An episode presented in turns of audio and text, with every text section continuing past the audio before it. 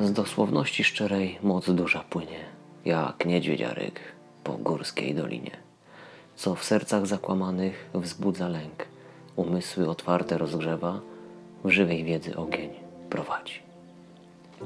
Spotykamy się na płaskowyżu śnienia. Otacza nas nieokiełznana przestrzeń o pustynnym, niemal marsjańskim krajobrazie.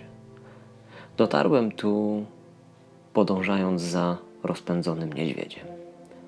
Na niebie pojawił się właśnie kołujący orzeł, który nie wiedzieć czemu na chwilę użyczył mi swoich oczu. Przelatuje na wysokości twarzy rosłego Indianina, który zmierza w moim kierunku.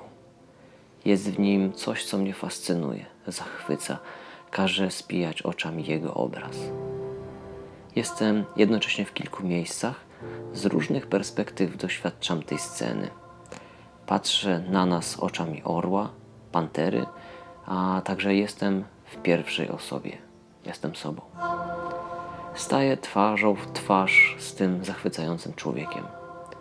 Kładziemy sobie ręce na ramionach, patrzymy w oczy, uśmiechamy i pozdrawiamy się nawzajem. Hołk.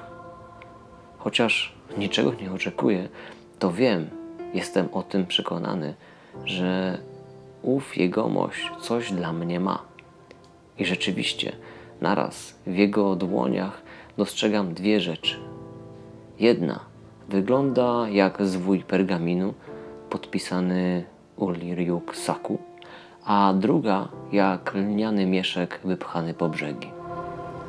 Przychodzi myśl, że jeden z nich to magiczny artefakt, kolejny dar szamańskiego świata dla współczesnego człowieka, a zwój to krótka instrukcja dla mnie, jak się do tego zabrać, jak przekazać to, co tam zawarte światu.